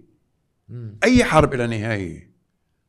اذا اصمد واشتغل. عمول إذا بتحب بلدك اصمد واشتغل وفروح وأنا أثناء الحرب الأهلية إجاني كثير عروض أطلع لبرا. ما طلعت. كان عندي نوع غلطان ما غلطان ما بعرف. بس كان كان عندي نوع من الثقافة السياسية اللي جعلتني إني حبيت إني ضل بالبلد وأشتغل مع غيري كثير من من من زملائي يعني المثقفين مش لحالي يعني. شو الحرب الأهلية إلى مدى؟ المشكلة هلأ إنه شو المدى؟ ومين راح يقرر شو راح يكون المدى؟ مين راح يقرر شو راح يكون مستقبل لبنان؟ هيدا الشيء عم نواجهه هلا حاليا. هيدي المشكلة الأساسية. وهلا بتقلي آه الشباب عم عم يتركوا مش هيك؟ عم صح. يهاجروا. أنا أعتقد إنه آه، الهروب إلى الخارج السعي إلى الخارج بيخف كتير فيما لو نجحنا بحط انطلاقة ل لل- لل- للسير كيف لازم انطلاقه سياسية صدية واضحة إنه في أمل من وراها. أنا أعتقد هذه- بتهدي من من حب النزوح فيما لو الانسان قدر قدر نزح يعني. في كثير ناس مش قادرين ينزحوا. مم. يعني بدك هلا هلأ تحط خطة برنامج اقتصادي مالي سياسي واضح بدنا نمشي هيك. إذا نجحنا أعتقد انه الضغط على على الخارج للهرب للهرب للخارج بخف كتير. ويمكن تسترجع الناس ما بعرف. في كتاب شاركت بإعداده Democratic Transitions the Arab وقتها مع بداية الثورات بالدول العربية وكانت كيس ستادي عن كثير من الدول يعني. وفي التركيز على مصر وتونس هيك للمقارنة وكانوا كنتوا عم تقولوا إنه المؤشرات الاقتصادية بحد ذاتها الأولى لا توحي إنه بده يصير في شيء بالضرورة لأنه كان في نمو. طيب واحد يطلع جواته ويبين إنه هالنمو منه عادل وما عم يخلق فرص عمل فالنمو موجه. فعلى الرغم من تشكل آه، طبقات وسطى رجع صار اللي صار. وعلى الرغم من هالمؤشرات اللي بالعالم الغربي كانوا بيقولوا عنها سابقا بالنظريات اللي كانت موجودة إنه هولي تتوائم مع بلوغ الديمقراطية. كل ما نبلش نخلق طبقة وسطى وتحسين بالمداخيل والتعليم بصير في ديمقراطية. وإذ منه هذا الواقع. مزبوط. شو هو آه، آه، إذا واحد بده يقارن واقع تونس اللي شوي أفضل من مصر بكيف رجعت كملت. والواقع اللبناني بمؤشراته لأنه بلبنان كمان بالفترة السابقة صار في طبقة وسطى. هلا المداخيل كانت من غير محل. آه، مستويات التعليم بلبنان جيدة بالمقارنة مع محيطه. تماما. ولكن كأنه هالنظام على راية سليم الحص في كثير من الحرية وقليل من الديمقراطية. نحن ويننا بهذا المسار؟ هل الأزمة الاقتصادية بتعزز إمكانيات وصولنا لنظام ديمقراطي أما بتبطئ؟ لا شوف انت ذكرت على العالم العربي العالم العربي آه، تونس لبنان كان آه، استثناء. لأنه لبنان من 46 عندنا النظام التوافقي الديمقراطية التوافقية. وحتى هي هلا هي تحت الضربات بس إنه في عندنا في عندنا نوع يعني لبنان كل عمره في نوع من الحرية فيه. كل عمره فيه لحد هلا في حرية يعني فيك تتنفس صح. بلبنان فيك تكتب فيك تقابل فيك تعمل مقابلات بلبنان. صح. آه، بتونس آه، اللي حرك المسار بتونس هو إنه في طبقه طبقة متعلمين كبيرة جدا. اللي ما عاد تقبل آه، رزوق تحت آه، حكم استبدادي اوتقراطي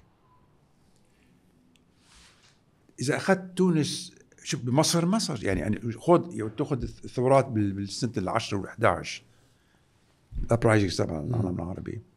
بس تونس نجحت بالخروج إلى مسار ديمقراطي. مصر رجعت. مصر رجعت لمسار آه، اوتقراطي اقصى مما كان عليه قبل قبل قبل أي. قبل آه، الف- 2010 صح. okay. سوريا يمن وليبيا بعدهم حروب أهلية. بحروب أهلية. يعني إلى هذا الحد ال- ال- ال- الثورات العربية لم تنجح بعد بوصول إلى نتيجة يعني بت- بترسخ مسار نحو الديمقراطية. لبنان استثناء. أنا ما بعتقد إنه النظام الاقتصادي بحد ذاته هو اللي بيحرك نحو الديمقراطية. هلأ ممكن نعم ادبيا في النظريات ال modernization theory على إنه كل ما تقدم مش فقط النظام الاقتصادي كل ما كل ما ربي آه، الطبقة الوسطى كبرت وكل ما الثقافة تعمت بصير في عندك نوع من التلازم مع المسير مسير الديمقراطي. بس الصين عم بتقول غير خبرية. الصين عم تقول غير خبرية. لأنه كل نظريه إلى حدود إلى إلى إلى حدودها. بقى إنه نظرية ال- المودرنيزيشن هيدي. ما ما ما, تطبق على ل- لسببين أساسيين النفط والصراعات. يعني إذا بتشوف كل آه، آه، مناطق العالم النفط في العالم العربي كان أحد العوامل الرئيسيه لعدم د- ديمقراطه في العالم العربي. عدم الولوج إلى الديمقراطية. بالديمقراطية أضف إلى ذلك أنه في نزاعات من إسرائيل وجر من 48 وجر. المنطقة ما هديت والصراعات الموجودة تؤخذ ك... ك... كمأخذ للسلطات الحاكمة أنه هلأ عم جاي تحكم ديمقراطية وعندنا نزاعات عندنا حروب عم نحارب العدو وجاي تحكم معي عن الديمقراطية. أي. بقى هذه العاملين الأساسيين اللي ما خلوا الديمقراطية آه، تاخذ مسار تاخذ مسارها بالعالم العربي. لبنان كلبنان كان في ديمقراطية يعني واحد ما في ينكر إنه كان في نوع من الديمقراطية أي. التوافقية. المشكلة بلبنان إنه نحن كلبنانيين ما طورناها أي. ما طلعنا من الازمه هاي. مش مش كذلك هالديمقراطية التوافقيه تبعنا سمحت لنشوء طبقة سياسية فاسدة. هل استغلت التوافقية السياسية لمصالحها الخاصة؟ في سؤال كتير انترستنج ما بعرف إذا يمكن بده دراسة قبل ما واحد يقدر يتوسع فيه لأنه منه منه يعني في جانب شوي بده واحد هيك يقارنه. حكيت عن أثر النفط والصراعات واللي هن بيتلازموا بكثير من المحلات وتأثيرها على شكل الأنظمة العربية. مزبوط. لبنان وكأنه آه، آه، تصغير حجم الدولة فيها من أيام نظريات ميشيل شيحة هي لأنه ما في نفط في مجموعة مصالح نقدر نوزعها وكل واحد بمنطقته ومندير عملية سياسية ديمقراطية بين هالقوى الموجودة. طيب اليوم وقت عم ينحكى بحقول نفط وغاز بالبحر اللبناني. في واحد يرتقب إنه لابد أن ان يكون لها أثر على طبيعة النظام السياسي. صار في مورد طبيعي بالأرض بده يوزع على الباقيين. بطل فيك احتكارات بتوزعها على المناطق أما مصارف بنوزعها على قوى. في آخر شيء نبع بده يكون ملقوط من سلطة. بس مين لقطه؟ هون السؤال. آه. إذا نفس السلطة مشكلة. معناتها ما رح نتطور لنظام ديمقراطي صحيح. إذا إذا بعد إذا إذا هن رح يحدوا إيدهم على على النفط مستقبلا معناتها المحاصصه رح تزيد. إيه بس السؤال هل ممكن إنه يكون في نفط ياخذني عكس الديمقراطية؟ إيه معقول. أو مش مش عكس الديمقراطية اللبنانية. إيه. إيه ممكن يصير عندك آه، تقاتل على هالمصادر. مزبوط ممكن يصير في نوع من التش... التشدد السياسي الأكثر. إيه مزبوط ممكن كثير كثير ممكن. يعني شوف النفط دائما هيك عالم انتبه جاد النفط في دولة منا ديمقراطية بيشدد بيعطي السلطة مال لإبقاء عدم الديمقراطية. يصير عندك بتشتري بيشتروك. صح. في يشترونا ساعتها مش هيك؟ هيك دول دول الخليج شو بيعملوا؟ عم بيشتروا الناس مش هيك؟ صح. هذا. أما لو اجى النفط في دولة ديمقراطية ما له تأثير هيك. النرويج النرويج النرويج دولة ديمقراطية مثالية تقريبا. النفط اجى بعد 200 اجى بعد ما صارت ديمقراطيه اذا وجود النفط بنرويج عزز القائم. عزز مش إنه رجع المسار غير ديمقراطي. السؤال هلا بلبنان لبنان عندك على الحافه نحن. تماما. نحن على الحافه لأن عندنا نوع من الديمقراطية. عندنا نوع من الحرية. ونوع من التسلط. ونوع من هلا إذا اجى النفط أي سلطة حاكمة نجي لهون كيف بدها تغير نظام الحوكمة بلبنان؟ كيف بدك تقول لهم لجماعاتنا هونيك يا أخي استريحوا معلش استريحوا شوي خذوا leave of absence leave of absence الأساتذة بياخذوا leave of absence ياخذوا ياخذوا leave of absence ويجيبوا واحد حدا ثاني شيء خليه يجرب. بده حدا يفرضها فرض هذه. إنه هذا النوع من التمني بتعرف إنه بما معناه. بده يصير في تغيير بطريقة الحكم. في لبنان. واضح. بدي أسألك أسئلة أخيرة عن تجربة ال AUB فينا نقول كل عمرك آه، مغروس بهيدي التجربة. اللي هي غنية بمعانيها الاجتماعية الأكاديمية والسياسية وفي تجربة طيب بشكل أساسي آه، بداية هيدي الجامعة كانت برؤوسها العالية مرقوطة من أجانب. شو تجربتك كحدا آه، لبناني عربي ضمن هيدي الأجانب اللي عم بتدير مركز من أمريكا لهون؟ يعني في اتصال عبر الحدود. شوف أه بدي أحاول جاوب السؤال. السؤال مش مش مش هين جاد. أه أنا أعتقد إنه وجود الجامعة الأمريكية وجود ال AUB بلبنان كان مفيد للبنان. مثل وجود اليسوعيه وجود غير جامعات أجنبية. هلأ إنه كان في سيطرة من برا على على, على الإدارة لا شك في سيطرة ميكانيكية من برا. آه ولكن بالنهاية اللي بيقرر مصير الجامعة هن الهيئة التعليمية؟ يعني كل ما كانت الهيئة التعليمية قوية معروفة كل ما قدر يكون لها تأثير بمسار الجامعة.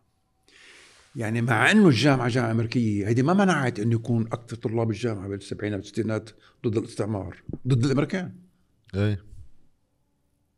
هيك؟ صح. ما منعت الأساتذة كثير الأساتذة يكونوا ضد آه، مع حركات وطنية وضد الاستعمار ومع مع الحرية مع كل كل الشيء هاي.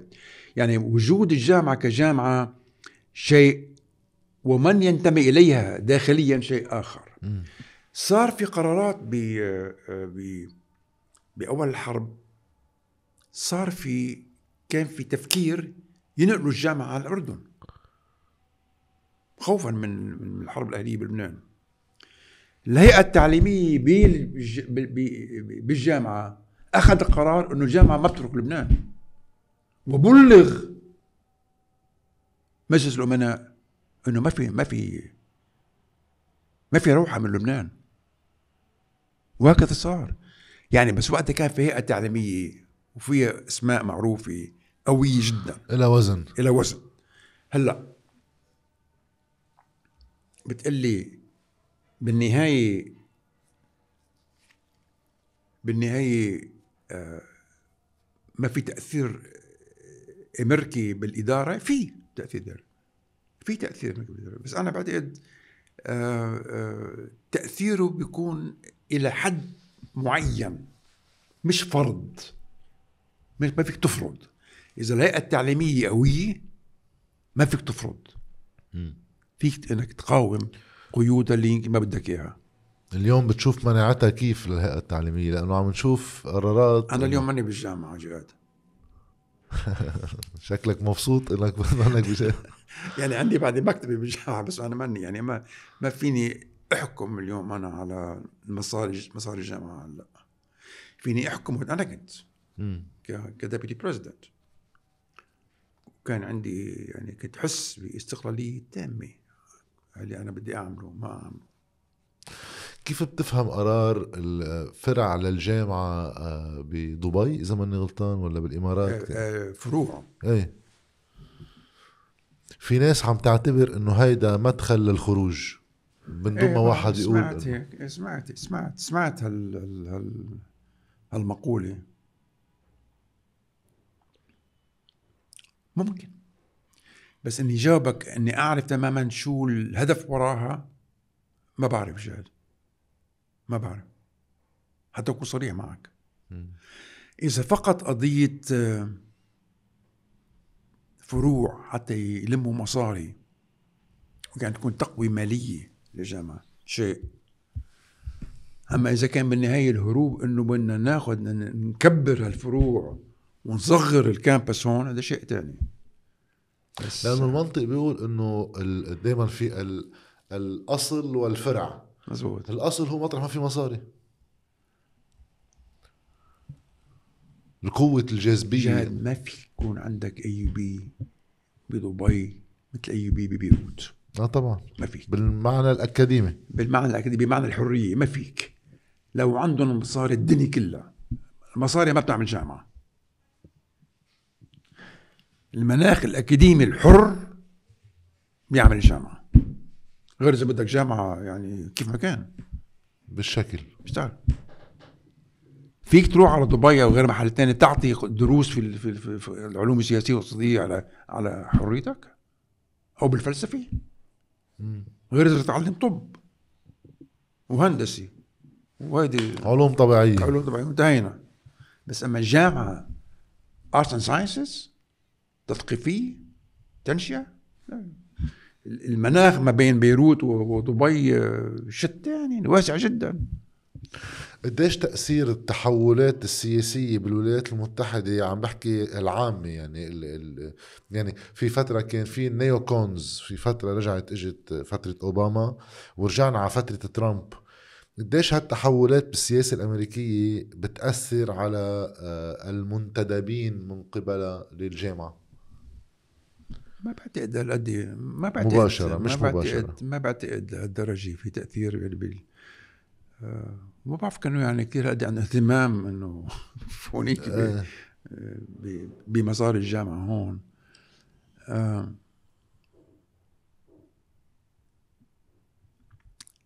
ب 94 لمعلوماتك وكنت بعني رئيس منتدب. صار في مظاهرات بالجامعة هون. ومنهم حزب الله. وحاولوا حاولوا آه، فجأة دخل أنا كنت بماكمنت هاوس. دخلوا لهونيك وبدهم صاروا بدهم هيك وبدهم هيك مطالب عدة مطالب ما بقى مطالب مدرسية في صار في مطالب بإقامة آه، آه، مصلى. مصلى. بالجامعة. بالجامعة. وهلأ إذا هذا عم يسمعني بيعرف عن مين عم بحكي أنا. قررت أنا أروح عند أنا وبعض الزملاء عندي هون. روح شوف حسن نصر الله. ورحنا عند حسن نصر الله. بالليل ما بعرف كيف أخذوني وقتها بالض- على الضاحيه إيه. الساعة 12 بالليل. واجتمعت بحسن نصر الله. وتكلمت معه. قلت له هذا شيء ما بصير. هذا الشيء نحن جامعة علمانية. ما بنقبل إقامة مصلى فيه أو كنيسة أو أي شيء. بس ما في كنيسة بالجامعة؟ أبدا. بطلت ما بقى تشابل آه. كانت تشابل صارت أسامبلي هول خلص. خلاص من من 50 60 سنة 70 سنة صارت أسامبلي هول فصلت يعني. فصل تام بين الممارسة الدينية وال والجامعة. قلت له هذا الشيء ما بنقبل ما بنقبل فيه. مش ممكن يصير. كيف كان التجاوب؟ كويس. قال لي آه قال لي وقتها السيد حسن يا دكتور مقدسي خلي يصير في عشرات الكنائس وعشرات الجوامع قلت له لا يا سيد حسن نحن جامعة علمانية بدهم يصلوا برات الجامعة بده يصلي هو حر يصلي ليشبع بجامعه بكنايسه بمعابده. أما بالجامعة هذا الشيء لا يسمح به لأن نحن جامعه علمانية. فهمها وصارت. واللي تسببها بال بعد فترة طويلة عوقب من قبل الحزب. بقى ليه عم لك؟ معناتها إنه بتوقف مين؟ كيف الهيئة التعليمية والمسؤولين بالجامعة بيتصرفوا؟ فيك تأخذ مواقف. الجامعة حاجة ضرورة. حتى لو الأمريكان إجوا قالوا بدنا نعمل نحن بدنا نفتح مع إسرائيل لا، ما بيقدروا. إذا الهيئة التعليمية ما بدها ما بيقدروا يعملوها هاي. يعني القضية مش كلها بإيد ال board of trustees وإيد الخارج. بتوقف شو بيكون موقف الداخل. لأنه الجامعة بالنهاية الجامعة جامعتنا مش جامعتهم. وأكثر التمويل عم بيجي هلا مش منهم. التمويل عم بيجي من غير محلات. يعني ما بقى ما, ما بقى بقبضه التمويل الغربي. ياما في أغنياء كبار عرب ولبنانيين برعوا. مين عم بيعمر البنيات كلها؟ الامريكان الأمريكان عم بيعمروها كلها مساهمات. كلها مساهمات. من من من آه عرب أثرياء. بيرجعنا هذا الشيء على النقطة اللي حتى اللي حكيناه بالوضع اللبناني العام. في الخارج ولكن في ال... في المنعة المحلية. أنا بدي أشكرك. ابدا. إن شاء الله ما نكون طولنا عليك. ابدا. أنا أنا بد- أنا بدي أشكرك إنك عملنا المقابلة ال- بالعكس. الشيقة وكثير كثير انبسطت بالكلام معك جاد. أنا بالأكثر وأنا ممنونك. ممنونك.